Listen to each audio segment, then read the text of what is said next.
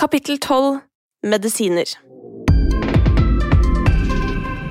Det å skulle velge om man skal begynne på medisiner eller ikke for en lettere psykisk lidelse som angst og depresjon, det kan være litt vanskelig, eh, og forhåpentligvis så kan dette kapitlet hjelpe deg litt på vei i tankeprosessen din. Psykiater Trude Fiksdal og psykologen vår Karina Paulsen skal svare på alle spørsmålene jeg har om medisinering og angst. Og i denne forbindelse så kommer det til å bli nevnt eh, kognitiv terapi og metakognitiv terapi. Og det kan være greit å vite at begge deler er former for samtalebehandling. Helt til slutt skal vi også innom noe noen driver med, nemlig selvmedisinering.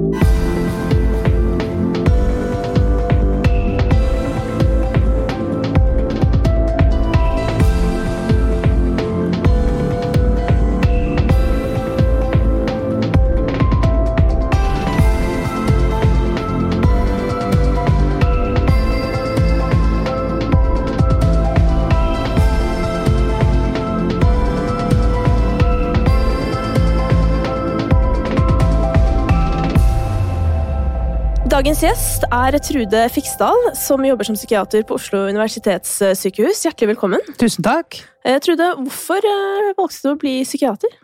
Eh, det er fordi jeg er veldig nysgjerrig på hvorfor folk gjør som de gjør, og føler det de føler, og jeg jobbet lenge i somatikken, og så det er spennende, det altså. Kjempespennende. Eh, men som er mer sånn kroppen? ja, det er det som har med kroppen å gjøre. Jeg skulle bli kirurg og sånn. Mm.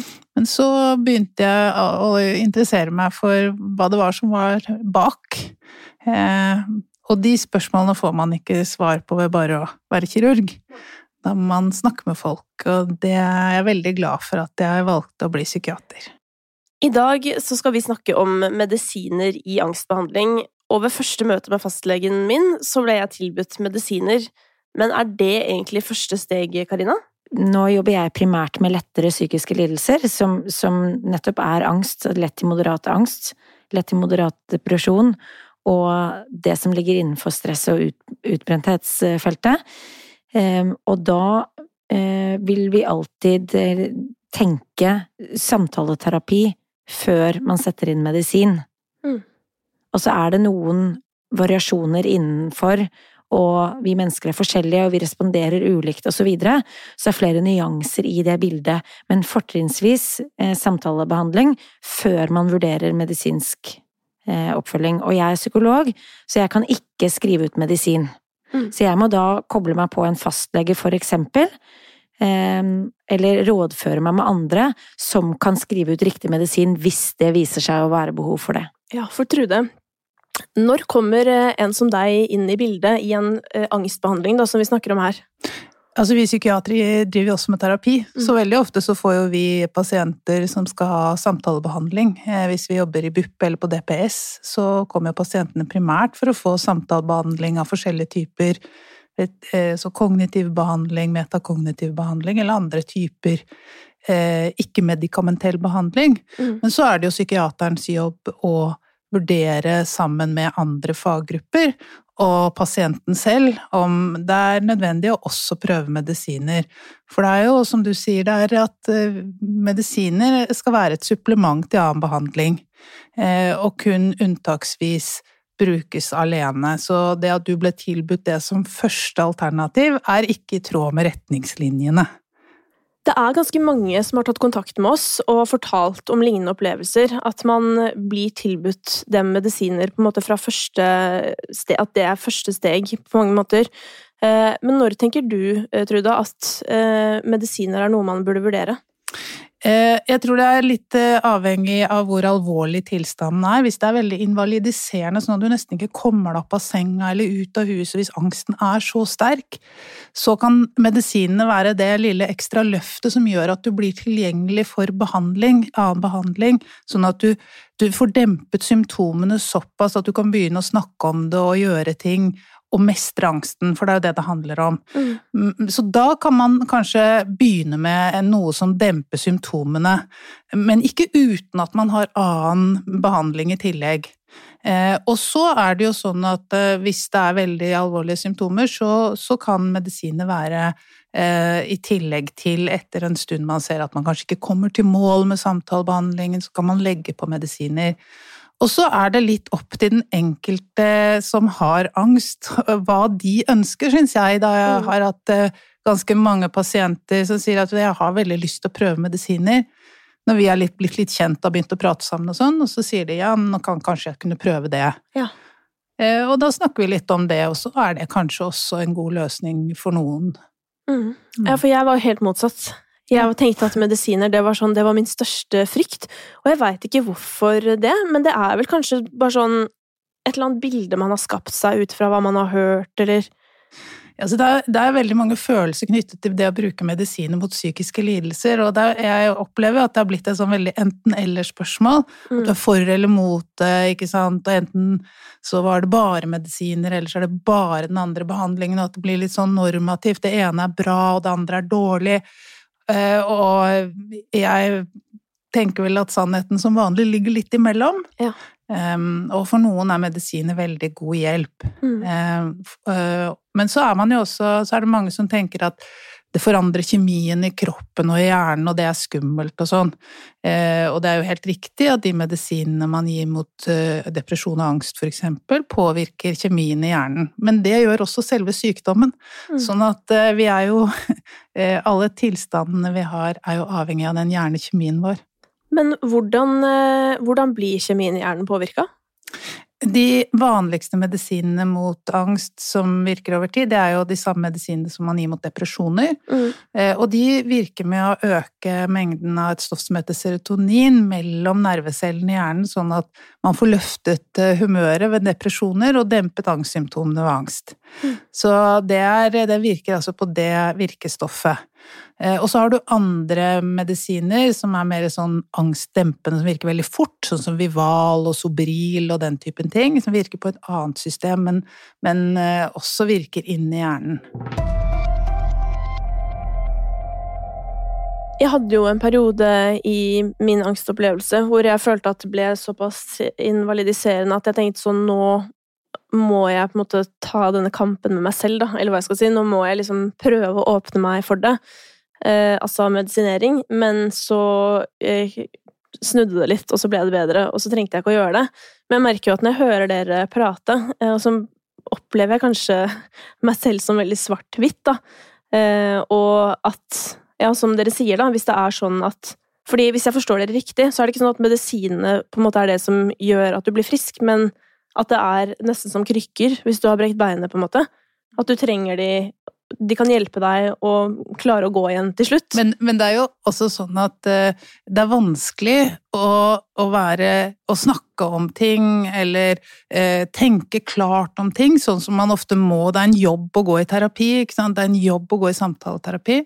Og hvis, uh, hvis man er så redd, og så på en måte preget av den angsten, så er det vanskelig å, å bruke de metodene eh, som metakognitiv kognitiv behandling, som krever noe av deg. Du skal liksom være litt på plass i hodet ditt. Og hvis du da er så redd at du ikke klarer å tenke, Mm. så eh, kan medisinene hjelpe deg til å få dempet det, så du kan snakke om og, og bruke den terapien fornuftig. Eh, og det er vel kanskje den viktigste effekten av medisiner.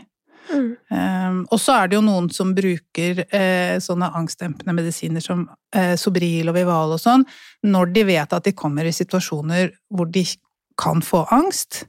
Eh, for eksempel hvis man har ekstrem flyskrekk eller angst for en del situasjoner som man bare må igjennom, så kan Mm. man ha den med seg og ta den i forkant, eh, så man slipper å bli så redd. Mm. Og nå kommer jo medisinskeptikeren meg eh, frem, selvfølgelig. Ja. Fordi her vil jo jeg tenke at jeg ville aldri turt å ta en Sobril eller Vival eller hva det måtte være, altså beroligende, da, Mm. for å redde meg selv i gåstegn gjennom en situasjon. For hva Mm. vil det da gjøre neste gang jeg møter situasjonen, og neste gang og neste gang og neste gang? Da ville jo jeg tenkt at jeg for alltid måtte brukt beroligende i en sånn type situasjon.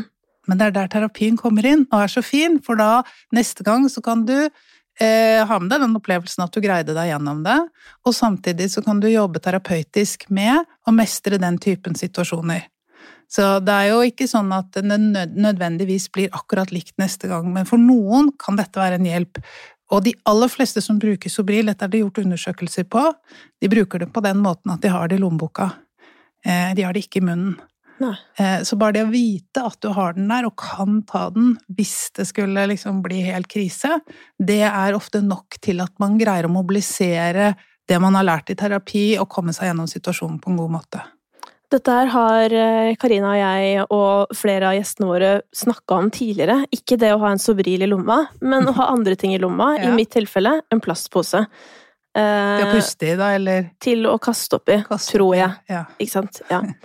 Eh, eller det minner meg jo om det. Ja. Skjønner du hva jeg mener, Karina? Altså, Ja, dette det du henviser til, det er sikkerhets- og unngåelsesatferd. Altså at man får sik- tryggingsatferd som, som, eh, som kan ha en, en eh, hjelpende effekt, eh, men som også kan utvikle seg til å bli eh, noe som man må gjøre for å i det hele tatt komme seg gjennom. Så hvis jeg ikke har den subrilen i lommeboka, så kan jeg ikke gå ut døren. Ikke sant? Og det er jo ekstreme tilfeller, eh, men da adresserer man det. Jeg tenker at det er det du sikter til, da. Mm. Og der er det igjen opp til den enkelte å, å snakke med sin terapeut, øh, øh, for eksempel, øh, om det er det det er i ferd med å bli. At det Mm. blir en, øh, en falsk krykke, da. Mm.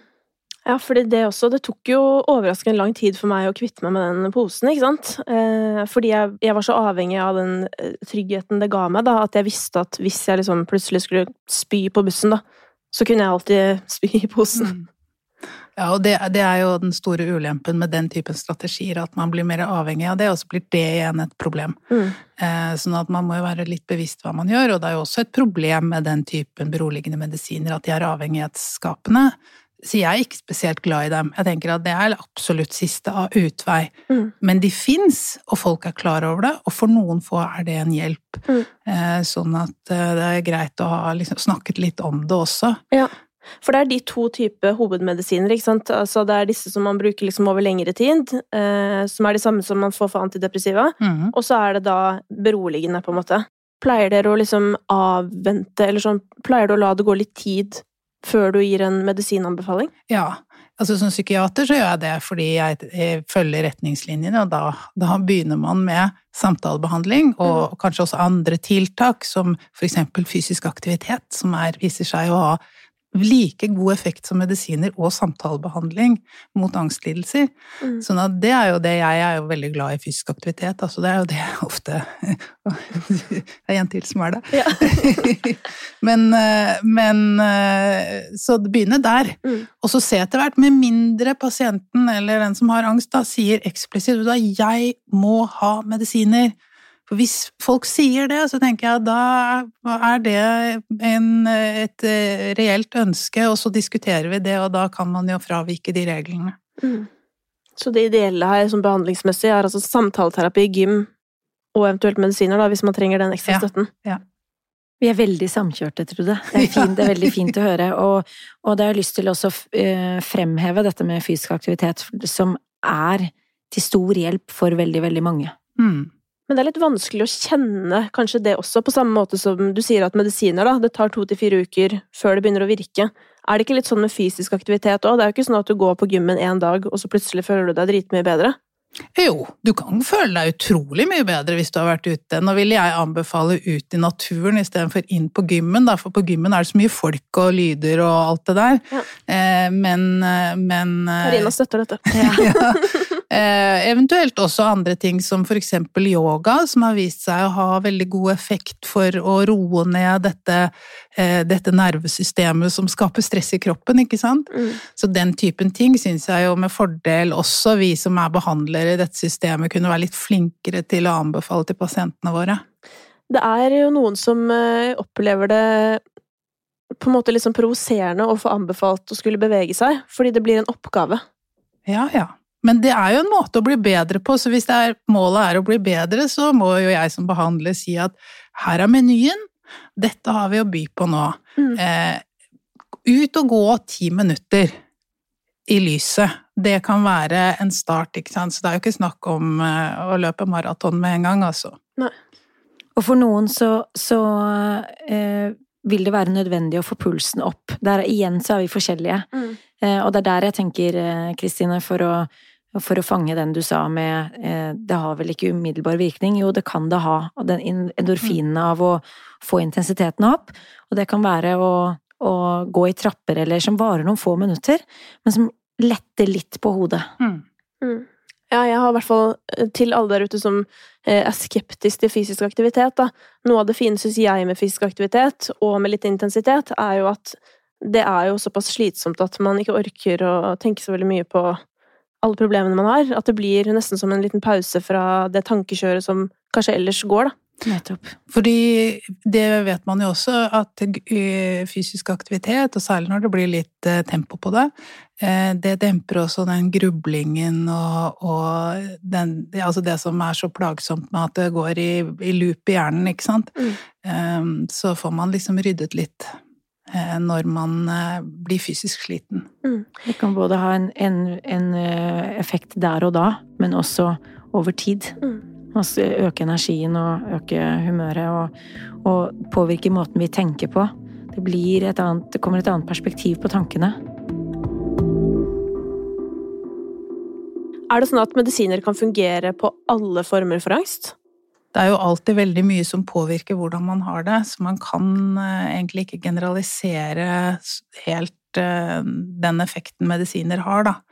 Eh, men i teorien så skal de virke på alle typer angst. Mm. Både panikkangst og eh, agorafobi og mer generaliserte symptomer videre. Mm. Mm. Um, men har på en måte årsaken til at man fikk angst, har det noe å si i vurderingen i forhold til om man burde bruke medisiner? Altså det, når det gjelder depresjon, så viser det seg at de som har eh, depresjoner som er utløst f.eks. av veldig konkrete traumer og sånn, nødvendigvis ikke har så god effekt av antidepressiva. Eh, mens hvis de som har depresjoner som kommer av litt mer sånn eh, mange forskjellige årsaker, eller rett og slett litt sånn snikende over tid, eller når man ikke finner noe spesielt Det fins jo folk som blir deprimerte og får angst uten at man vet hvorfor det kommer, mm. så kan det vise seg at de kanskje har mer effekt av det. Selv om det er litt sånn usikre eh, forskning på dette her, da. Mm. Men, eh, men eh, hvis man har et, en konkret hendelse, så er det ofte at det eh, som har utløst angst eller depresjon, så kan det hende at man har mindre effekt av det. Men igjen så vil det være individuelt, da. Mm. Ja, for jeg tenker jo sånn, Karina, du møter jo en del mennesker i arbeidslivet som har stressa seg sjuke, ikke sant, mm. og kanskje fått en eller annen form for angst utløst av det. Mm. Eh, og da tenker jo jeg, da i hvert fall som lekfolk, eh, at eh, jeg heller ville på en måte for eksempel prøvd å justere kalender, eller gjort andre typer justeringer, da. Mm. Tiltak, sånne type tiltak først. Absolutt. Og forsøke å å løse problemet eh, som utløser symptomene, eh, og tenke hvordan, eh, før man går inn med en type eh, eventuell en type medisin, mm. som da i, i, min situasjon skal vurderes av en lege, ikke sant, som, mm. fordi at jeg som psykolog ikke kan skrive ut. Men du kan anbefale? Jeg kan anbefale, og jeg kan kontakte fastlege for eksempel, og ha et samarbeid der. Eh, og, og, fremme en anbefaling om at et, et medisinsk tiltak vil, vil, være eh, hensiktsmessig, sannsynligvis, mm. fordi man har prøvd andre ting. Mm. Men eh, hvis man takker ja til tilbudet fra fastlegen om eh, å få medisiner uten at man har noen som helst form for eh, møte med psykolog planlagt, og så blir man mm. gående på medisiner da, en periode, kan det skje noe galt da? Nei, men det, det, det, verste som kan skje, er jo ja, Bortsett fra at du kan få bivirkning, men det er jo at det ikke virker. Mm. Eh, og at man blir gående og spise medisiner som ikke har effekt. Og det skal man jo ikke gjøre. Man skal aldri bruke medisiner hvis ikke det har en effekt. Og den effekten skal vurderes og evalueres sammen med den som bruker medisinene, så man vet at de medisinene man gir, virker sånn som man har tenkt. Mm. Og det gjelder alle typer medisiner. Det gjelder antibiotika og antidepressiva og, alle, og smertestillende og alt annet man gir. Så det betyr egentlig i praksis at du skal ikke gå på medisiner mot angst uten at du får oppfølging? Helt riktig. Går det an å eh, si noe generelt til folk som sitter og vurderer om de skal prøve medisiner eller ikke? En sunn skepsis tenker jeg er fint. Som du sier, at du at du tenker deg om før du Du, eh, du fikk et tilbud fra din fastlege, men, men, var skeptisk til det. Jeg tenker at alle mennesker har godt av å ha en sunn skepsis eh, til hva enn de skal spise mm. eller få i seg. Men å se på medisiner som et eh, velsignende supplement og en mulighet hvis man kommer ut dit hvor det kan være mm. eh, til støtte. Mm. Ja, jeg er helt enig i det, og at man eh, tar seg en timeout altså, og tenker på det. Og så eh, at man ikke gifter seg med de medisinene. Det er jo ikke sånn at fordi om du tar antidepressiva i fire uker og det ikke funker, så prøver du ikke å ta det mer. Mm. Det var mitt neste spørsmål, nemlig. Om, eh, om, det er sånn at når du først har begynt, kan du ikke slutte da? Jo, du kan slutte, det kan du selvfølgelig gjøre, men som jeg sa i sted, så er det sånn at eh, eh noen ganger så må man eh, bruke litt tid på å trappe ned mm. på noen av disse preparatene. Andre kan man slutte med ganske fort. Uansett medisiner eller jobben må man gjøre selv i samarbeid med de rundt seg og terapeuten sin. Mm. Eh, så dette, kan dette være en god hjelp. Og jeg har jo snakket med folk som har vært syke store deler av livet sitt av forskjellige tilstander, og også psykoselidelser, som sier at de syns det er litt dumt at det er blitt så innmari mye sånn eh, eh, antipati eller så mye sånn negativt snakk om medisiner, for de sier at det er, jo, det er jo nesten sånn at du skammer deg litt over å bruke det, sier de, for du ikke liksom fikser det på egen hånd. Og det tenker jeg er veldig uheldig. Det er ille nok og belastende nok å ha en psykisk lidelse hvis man ikke skal gå rundt og skamme seg eller være flau over at man bruker medisiner også. Eh, så jeg tenker at vi kan være litt sånn forsiktige med måten vi snakker om det å bruke medisiner på ved psykiske lidelser, fordi Eh, for veldig mange er det en god hjelp, men man må vite hva man holder på med, og så må man gjøre andre ting i tillegg.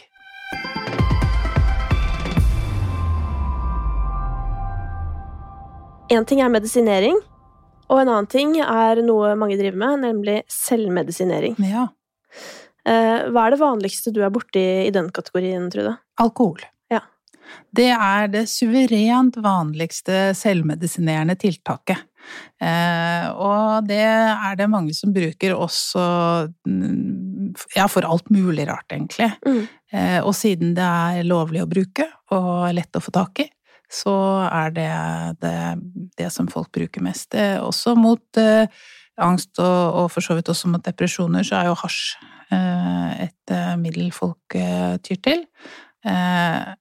det vi vet om både alkohol og hasj og alle andre rusmidler, er jo at eh, det gjør bare ting verre. Mm. På, det kan ha en, en, umiddelbar lindrende effekt.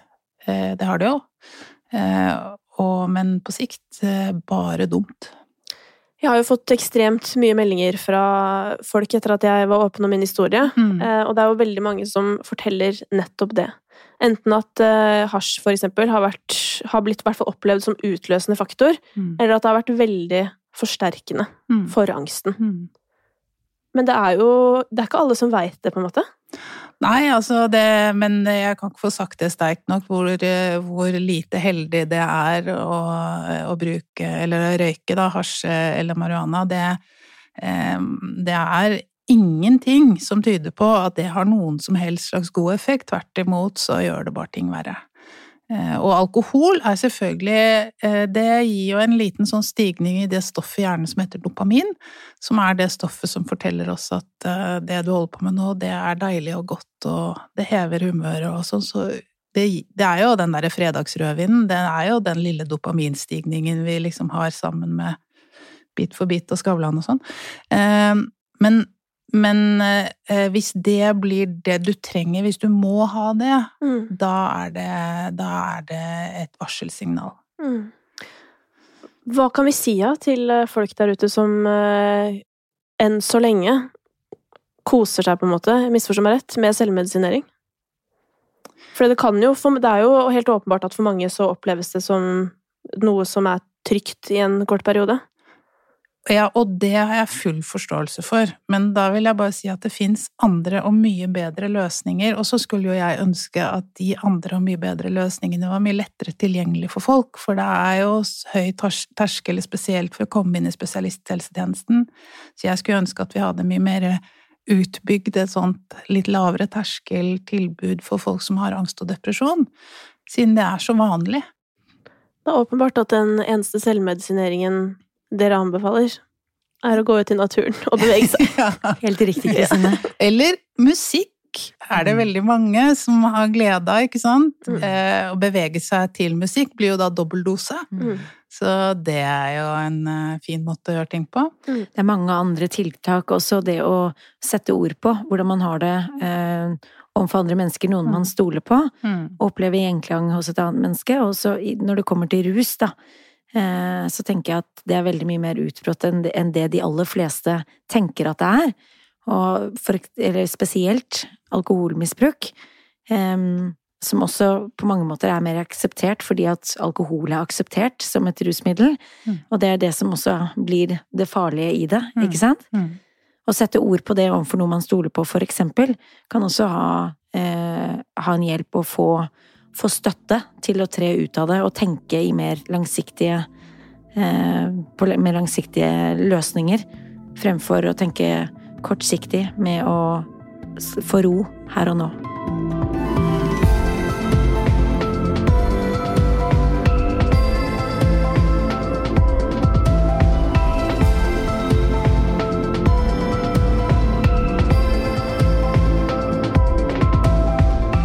Det er ganske fint og betryggende for meg i hvert fall å høre at psykiater Trude Fiksdal og Karina Paulsen er såpass enige om medisinbruk når det kommer til lettere psykiske lidelser. Hvis du vil vite mer om Noia, sjekk ut noiapodkast.no.